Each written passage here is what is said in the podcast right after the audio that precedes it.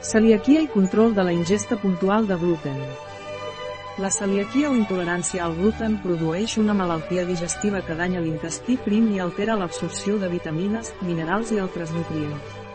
El gluten es troba en cereals com el blat, l'ordi, sègol i la cibada, sempre que no estigui certificada com a lliure de gluten, la celiaquia és autoimmune.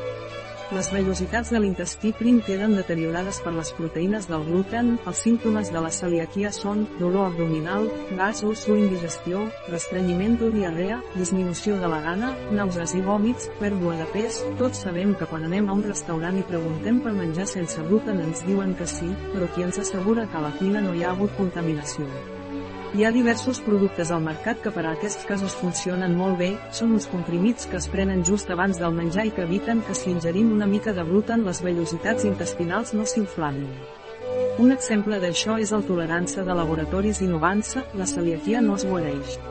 Només es pot tractar amb una dieta estricta sense gluten. Per esmorzar pots tastar aquests exquisits cereals muesli de cibada i xocolata o pa de flors amb quinoa, potser al migdia et ve de gust un plat de pasta fusilli, està de xucla. Et recomana que llegeixis el llibre La solució autoimmune escrit per la doctora Amy Myers en què exposa el seu enfocament, clínicament provat, per prevenir l'evolució dels símptomes associats a la inflamació, com és el cas de celiaquia.